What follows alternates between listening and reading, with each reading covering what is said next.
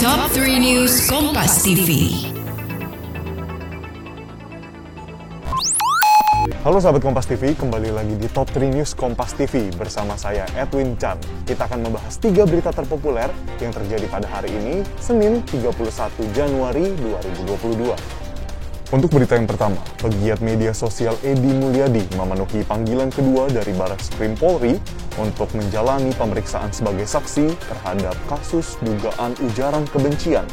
Usai diperiksa, Edi Mulyadi ditetapkan sebagai tersangka dan ditahan 20 hari ke depan.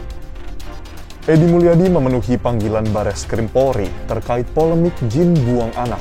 Ini merupakan kedua kalinya panggilan terhadap Edi Mulyadi. Didampingi sejumlah kuasa hukumnya, Edi Mulyadi tiba di Baris Krim Polri. Ia juga mengaku sudah mempersiapkan sejumlah barang yang dibawa, termasuk baju ganti karena merasa akan ditahan. Dan ternyata benar, pada Senin malam, Karo Penmas Divisi Humas Polri Brigjen Pol Ahmad Ramadan mengumumkan status Edi Mulyadi dari saksi menjadi tersangka. Sobat Medio, yuk ngobrol bareng Wisnu Nugroho, pemimpin redaksi Kompas.com sekaligus host dari podcast Beginu. Kita bakal ngobrolin tentang apa saja sih hal seru yang terjadi di belakang layar podcast Beginu. Makanya jangan sampai ketinggalan dan catat agendanya. Di hari Rabu tanggal 2 Februari 2022 pukul setengah 7 malam live di Instagram at Medio by KG Media dan at Beginu. Biar makin seru, akan ada giveaway voucher gramedia.com senilai 100 ribu rupiah untuk dua orang pemenang loh. Jadi Sobat Medio, jangan lupa untuk ikuti live Instagramnya ya. Podcast Beginu, bukan begini, bukan begitu.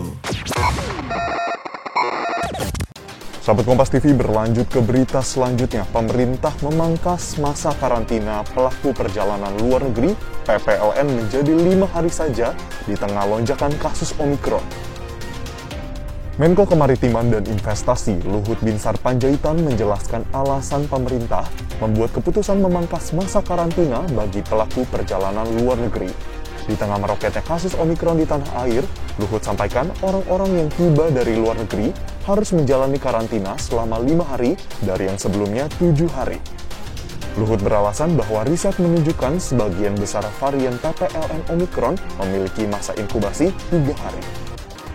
Presiden Jokowi mengajak PBNU untuk membawa Ainun Najib dari Singapura.